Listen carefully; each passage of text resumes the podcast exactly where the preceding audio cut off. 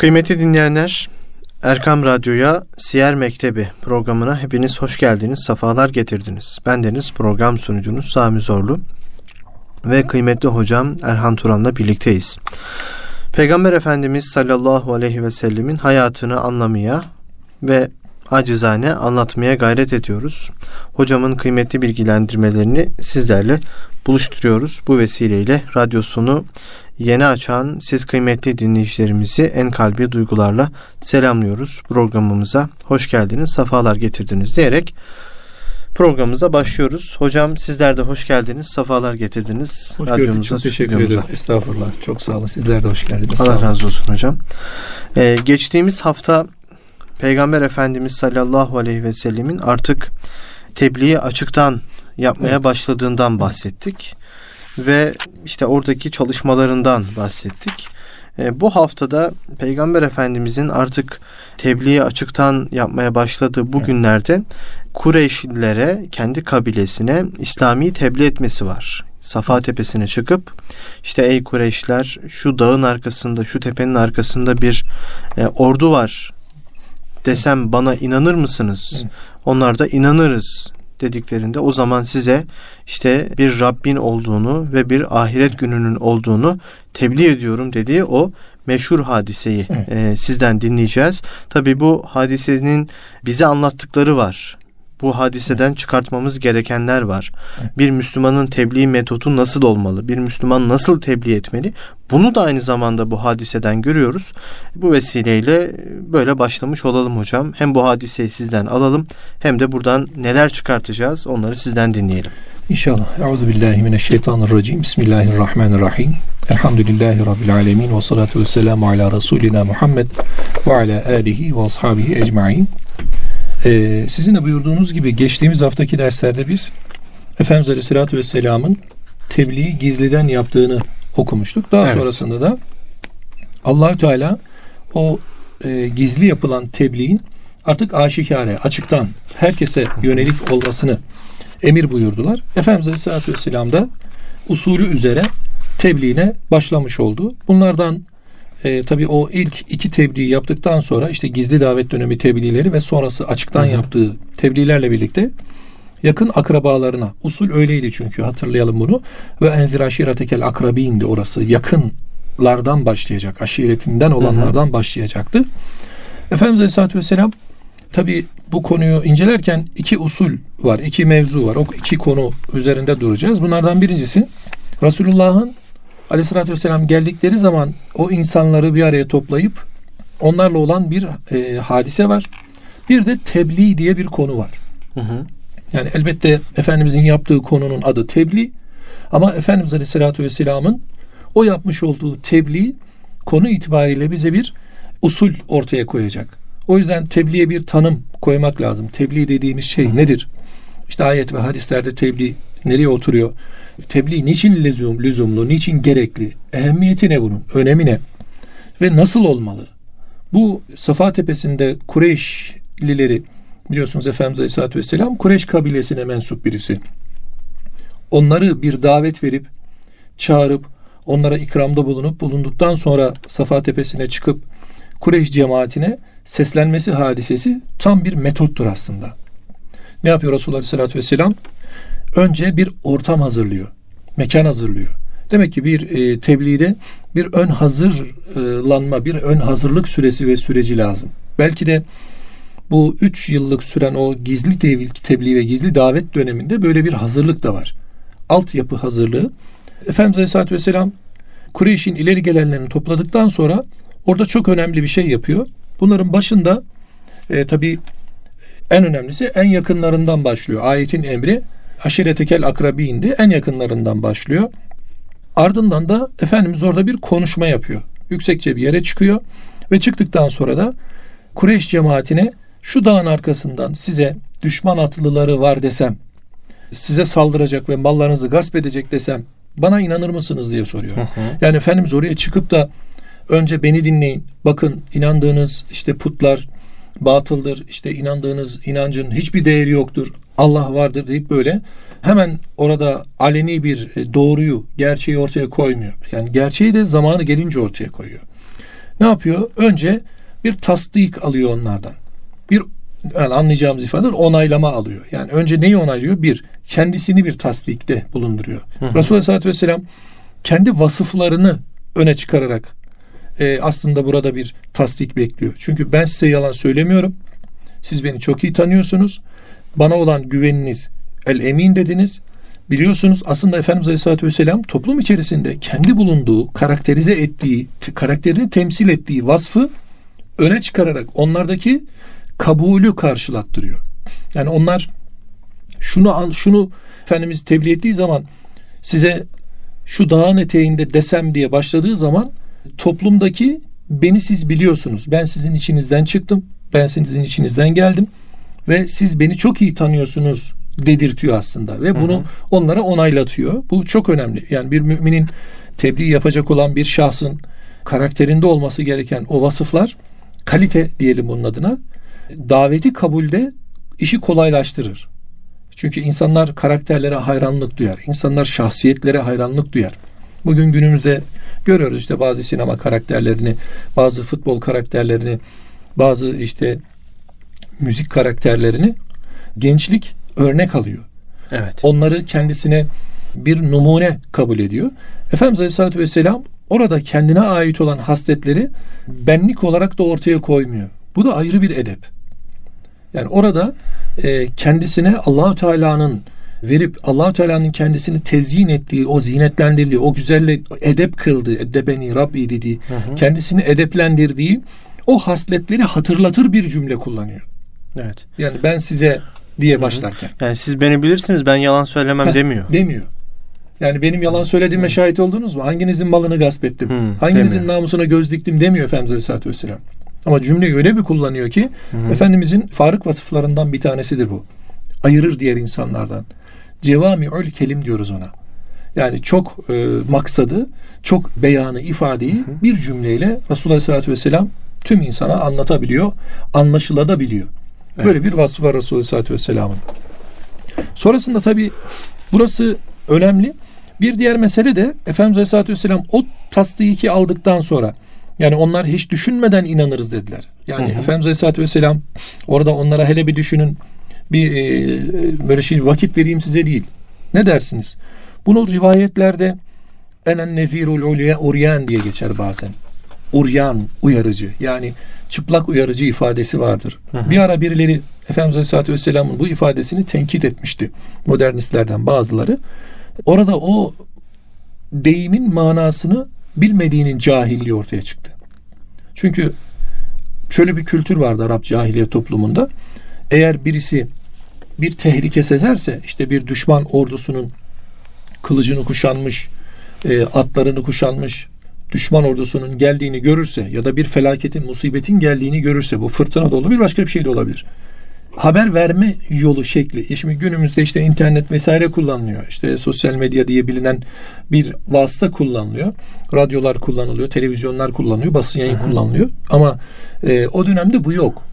Ecdat minarelerden sala kullanmış mesela bu tür musibetlere haber vermek için e, Efendimiz Aleyhisselatü Vesselam'ı salat okutmuşlar mesela. Salat okumuşlar ki insanlar bir hal var diye anlasınlar diye. Efendimiz döneminde biz bazı olaylarda ezan okunduğunu biliyoruz mesela. Bu tür olaylarda. O dönemde de bir de cahiliye toplumunda insanlar bir musibet gördüğü zaman o musibeti ifade etmek için yüksekçe bir yere çıkardı. Bir tepeye çıkardı. O tepede herkes onu görürdü. Elbisesinin üstünü çıkarır avazı çıktığı kadar bağırırdı ve elbisesini sallardı. Onu gören herkes üstü çıplak olduğu için ona çıplak uyarıcı denirdi. Nezirul uryan o demek. Çıplak uyarıcı.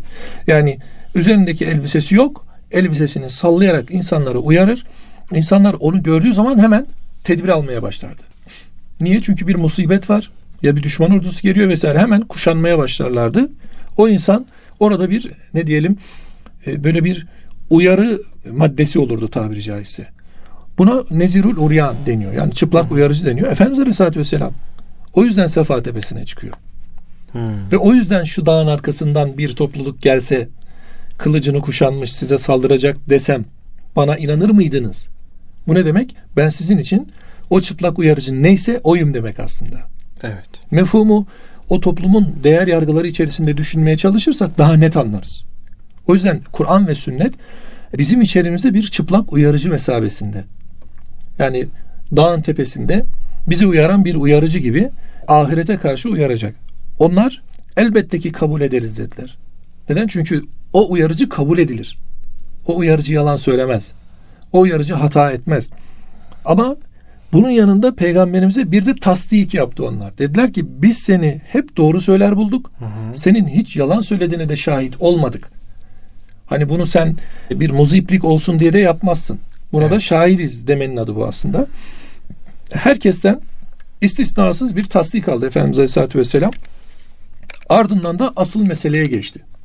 Bu da çok önemli tabii ki. Yani bir tebliğde bir e, tebliğ yapacak olan şahsın nasıl davranacağını bilmesi, hangi usullerle üsluplar hareket edeceğini bilmesi, bunu tebliğe bir tanım yapıp usulü nedir, nasıl olmalıdır konuşurken konuşacağız. Burada da yeri gelmişken söylemiş olalım. Ama asıl maksat burada Efendimiz Aleyhisselatü Vesselam'ın o insanları dünyevi bir beladan, musibetten uyarmak değil. Efendimiz Aleyhisselatü Vesselam'ın asıl gayesi, asıl maksadı uhrevi bir musibetten uzak tutmaya çalışmak. Çünkü ahiret var, azap var. Peki niye ahiret uyarısı yapıyor Efendimiz Aleyhisselatü Vesselam? Niye azap uyarısı yapıyor? Yani orada Resulullah Aleyhisselatü Vesselam'ın kastı ne? Niçin Allah'tan başka ilah yoktur dikkat edin diye başlamıyor. Şimdi burada önce şöyle bir cevap vermek lazım. Ee, müşrik dediğimiz topluluk şirke düşmüş demek. Şirk koşan demek. Şirk ortaklık demek. Hı hı. Niye ortaklık koşuyor onlar? Müşrik topluluk içerisinde Allah inancı var. Yani bir Allah'a inanma duygusu var. Ama Allah bizim inandığımız Kur'an'ın ve sünnetin bize anlatmış olduğu manada Allah'a karşılık gelmiyor. İşte onun bir takım e, e, halleri var. Ne bileyim aracılara ihtiyacı var mesela. Bir tane değil o Allah bin tane mesela. Hı hı. İşte 360 tane puttan bahsediliyor Kabe'nin içerisinde avlusunda vesaire. Bu şekliyle baktığımızda Allahu Teala'ya ait olan vasıflar koparılmış. Çünkü onlar da zamanında belli bir kültürle gelerek puta dönmüşler, putperestliğe dönmüşler. Yani onlar da aslında ayet-i kerimelerde de gördüğümüz üzere işte yağmuru kim yarattı dersin, bitkiyi kim bitirdi dersin, Allah derler diyor. E o zaman bu aracılar ne iş yapıyor diye sorduğunda atalarımız üzerine bulduğumuz dine iman ederiz derler. Yani onlarda bir atalar kültürü var. Ata hı hı. kültürü din olmuş ve putperestlik hakim olmuş. Efendimiz Aleyhisselatü Vesselam hemen la ilahe illallah diye başlamıyor. Yani onların asli manada inandığı değer yargılarına atış yapmıyor. Evet. Onu ikinci planda bırakıyor. Aslında gaye o. Maksadı o Efendimiz Aleyhisselatü Vesselam. Ama onları önce e, hani bir dikkat çekme cümlesi gibi bazı kitaplarda işte yazarlar yazarken bir e, ya da bir gazetede böyle bir başlık atılır sür manşet gibi böyle böyle can alıcı bir ifadedir o. Oranın can alıcı ifadesi hocam ahiret inancı. Neden? Çünkü müşrik topluluk içerisinde ahirete iman yok. Sıfır. Onlar ahirete inanmadıkları için dünyada yapıp ettiklerini kendilerine kar biliyorlar. Ne kadar yerlerse o kadar kar ettiklerini düşünüyorlar. Ondan dolayı karşısındaki insan köle olarak doğmuşsa talihine küsecek. Efendi doğsaydı hayatta yaşama hakkı vardı. Ama efendi doğmadı. O zaman hayatta yaşama hakkı yok. İtaat eden insan olacak. Onun dünyada başka çaresi yok. Efendi olamaz. Onun işi bitti gözüyle bakılıyordu. Öldü öldükten sonra da hayat olmadığı için hesap kitapta yok. Bu da olmadığından dolayı ne yaparsak kar. Hatta yapamadıklarına pişman oluyorlar. Yaptıklarına değil de yapamadığı, işleyemediği günahlara pişman oluyorlar onlar. Öyle bir durum söz konusuydu. Efendimiz Aleyhisselatü Vesselam burada ahirete dikkat çekerek aslında onların temel olmayan o inançlarını hatırlatıp içerisinde var oldukları durumu hatırlatıp dünyanın fani olduğunu, geçici olduğunu hatırlatıp bir sarsıyor onları. Cale evet. dikkat için onları bir uyandırmaya çalışıyor tabir yerindeyse.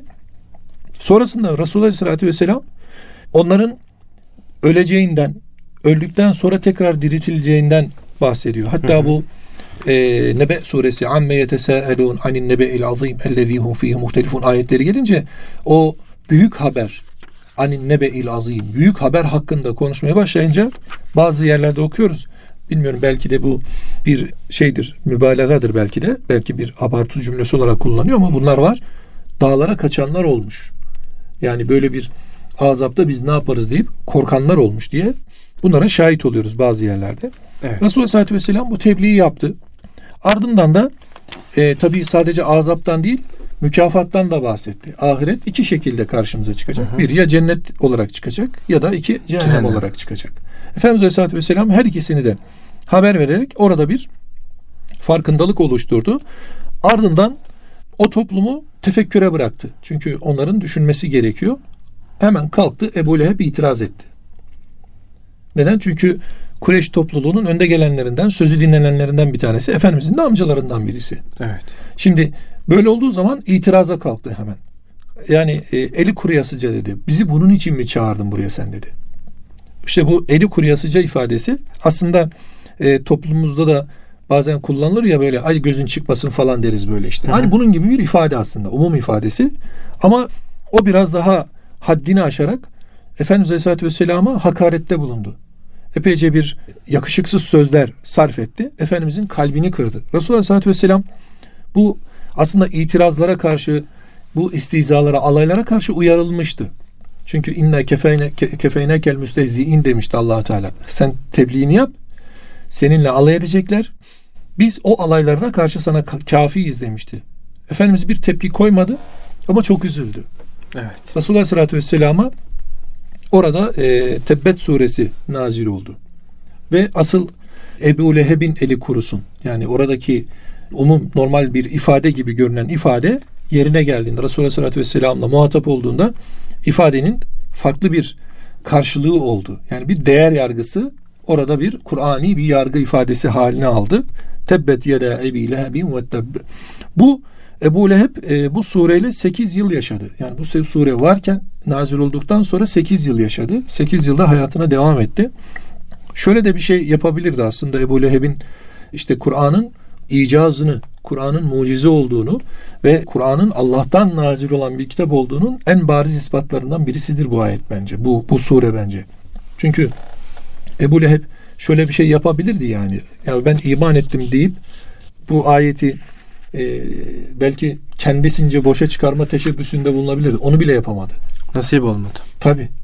Onu bile yapamadı. Çünkü allah Teala onun adını koymuş oldu. Çünkü Kur'an'da cehennemlik olan insanların isimlerinden birisi de o. Evet. Hanımı. Yani e, bu basit bir hadise değil yani. Ve emra'atuhu diye tescilli ismiyle birlikte yani tebbet ya da ebule ebile hep ismiyle birlikte zikredilip hanımı da beraberinde zikredilip cehennemde olduğunun işareti bu. Ve bununla 8 yıl yaşıyor. Ve zulmüne de devam ediyor. Ve zulmüne de devam ediyor. Çünkü e, hocam şöyle bir şey var.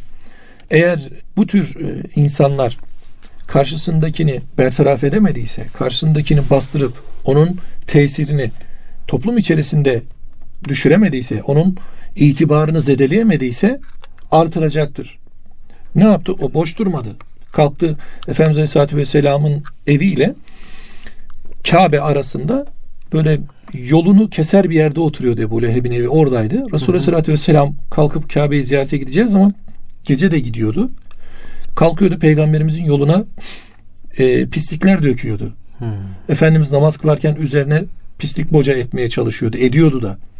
Karısı geceleri e, diken çalı çırpı taşıyordu. Yollarına atıyordu Efendimiz Aleyhisselatü Vesselam'ın. Ayakları mübarek ayakları kan revan içinde kalıyor Allah Resulü. Ya.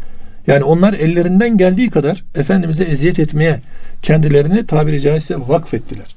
Yani bu küffarın samimiyeti bu noktada gerçekten e, Müslümanın samimiyetinin önüne geçiyor bazen. Halbuki Allah Resulü Aleyhisselatü Vesselam'ın Kur'an'ın ve sünnetin müdafası Müslüman üzere biz bu işkenceleri bir iznillah elhamdülillah görmüyoruz. Ama bu, bu işkenceleri Resulullah Aleyhisselatü Vesselam görmesine rağmen ve bu amcası ve yengesinin yaptığı hareket. Yani bir kurbiyet var, akrabalık var. Bu akrabalık bağı orada bitiyor. Demek ki imanda ırk yakınlığı hiçbir e, fayda vermiyor. İmanda kan bağı hiçbir fayda vermiyor. Hazreti Nuh'un oğluyla olan bağı gibi. Hazreti İbrahim Aleyhisselam'ın e, amcası bir rivayete göre işte babalığı olan Azer'le olduğu gibi.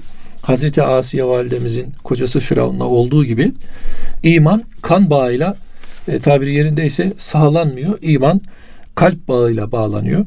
Efendimiz Aleyhisselatü Vesselam sık sık uyarırdı da aile halkını uyarırdı. Hazreti Fatıma validemizi uyarırlardı. Yani babanızın peygamberliğinin size hiçbir faydası olmayacak. Hı hı. Yani siz kendi e, başınızın çaresine, imanınızın çaresine bakın dercesine devamlı uyarıda bulunurdu.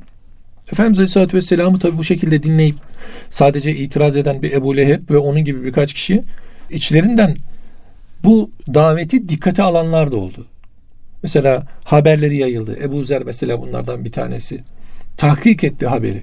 Doğru mudur, değil midir? İşte kardeşini gönderdi. Daha sonra o kendi bildikleriyle mukayeseler yaptı. Ardından Efendimiz Aleyhisselatü Vesselam'a geldi ve iman ettiği haberini verdi, iman etti.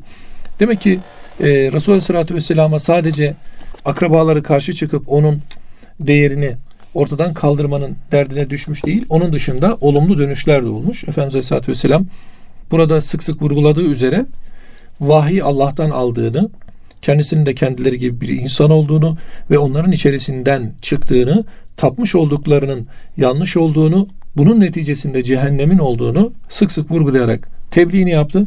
Kendisine e, o dönemde inananlar da oldu, inanmayanlar da oldu.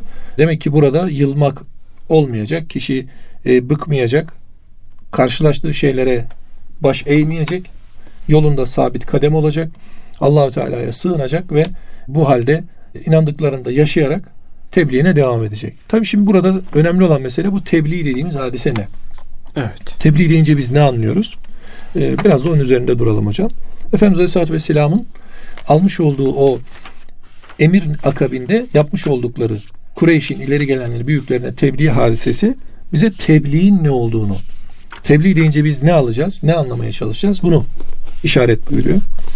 Tabi Hazreti Peygamber'den gelen o işaretle düşünecek olursak İslam dinini ve onun esaslarını önce anlayarak yani kişinin Kur'an ve sünnetin ihtiva ettiği o dini İslam'ı yani burada şuraya hemen dikkat çekmek lazım. Kültürden bahsetmiyoruz hocam. Yani anne babalarımızın, dedelerimizin bize miras bıraktığı kültürden bahsetmiyoruz. O kültür kıymetli. O bizim için önemli. O e, sekafet dediğimiz, kültür dediğimiz bizim için tabii ki kıymet taşıyor. Hı hı. Ama burada asıl olan Kur'an ve sünnet içerisinde olan. yani Kur'an ve sünnetin bize vermiş olduğu esaslar nedir? Bunu anlamaya çalışmak. Birincisi bu. İkincisi o anlaşılanların anlatılması ve insanların tabii önce o işi yapacak olan şahsın sonra insanların Kur'an ve sünnet çizgisi üzerinde yaşamaya çalışmasını sağlamanın adı tebliğ. Bunun Hı-hı. için yapılacak olan gayretlerin adına tebliğ deniyor. Kur'ani ifadesiyle emri bil maruf nehyanil münker. Yani maruf olan, iyiliğin, güzelliğin, Allah ve peygamberin tavsiye ettiklerinin insanlara tebliğ edilmesi ve nehy anil münker bunun zıttı olan münkerin çirkin olayların, çirkin işlerinde uzak kılınması hadisesi Müslüman üzerine aslında farzı kifaye olarak da söyleyebiliriz bunu. Yani birileri yaptığı zaman diğerlerinin üzerinden kalkan bir farz diyebiliriz. Bazı dönemlerde bazı itikadi mezheplerde bu herkesedir diye de söyleyenler olmuş. Ama en azından Müslümanın bir temsil e, vazifesi var. O temsilini güzel yapması üzerine en azından farzdır diye düşünüyorum. Yani belki herkes Kur'an-ı Kerim'i ve sünnet-i seniyeyi iyi anlayıp insanlara vaaz nasihatte bulunamayabilir. Belki bu yetmez insanın bilgi dağarcığınca ya da öğrendikleriyle anlatması adına belki yeterli olmaz. Ancak her Müslümanın Müslümanca yaşama, Müslümanca hayatını tatbik hı hı. etme zarureti vardır. O hayatında giyimine, kuşamına, yemesine, içmesine tabi iman ve İslam esaslarından bahsetmiyorum. Namaz abdest demiyorum. Onun dışında kalan bir hayatı var. O hayatı Müslümanca yaşaması, Müslümanca temsil etmesi üzerine vazifesi var. Ne olacak? İşte yemesinde, içmesinde, oturmasında, kalkmasında, komşular arası ilişkilerde işte bir arabasını park etmesinden e, satın alacağı dükkanına kadar içkisiz yerlerden alışveriş yapma vesaire gibi yani hayatını Müslümanca tezyin etme vazifesi her, her insan üzerine, her Müslüman üzerine farz. Yani burada şuradan kaçış yok. Ben bilmiyordum kaçışı yok hocam. Evet. Öğrenmek de farz. Tabi burada öğrenmekten kastımız biraz önce söylediğimiz gibi ihtisas değil. Yani bu işin e, deruni bilgisini öğrenmeye çalışmakta. O tabi özel e, gayret gerektiriyor. Hassasiyet gerektiriyor.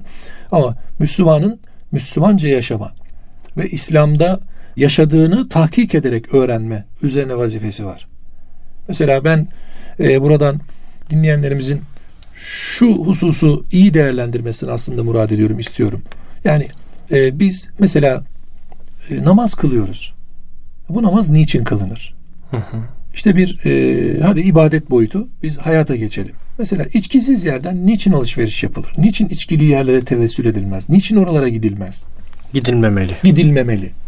Mesela bir tesettür. Niçin öyle olmalı? Yani ya da tesettür nasıl olmalı? Günümüzde mod, moda denen bir şey var şimdi. Tesettürü esareti altına alıyor. Yani biz tesettürü modaya yedirmeye başladık. Yani moda öne geçti. Tesettür arkasından gidiyor. Belki de yok bile yani giderken. Öyle evet. bir hale geliyor. Siliniyor. Müslüman bir hanımefendi ya da bu sadece Müslümanlara farz değil tesettür erkeğe de farz. Biliyoruz işte düşük bel pantolonlar, daracık her tarafını böyle e, namaza namaz kılmaya mani olacak elbiseler giyen e, erkekler de var yani. Şimdi evet. Bu neden bize farz? Nasıl farz? Nasıl e, yemek yemek farz? Neleri yemek farz? Neleri konuşmak, gıybet, dedikodu vesaire bunlar da var Kur'an'da.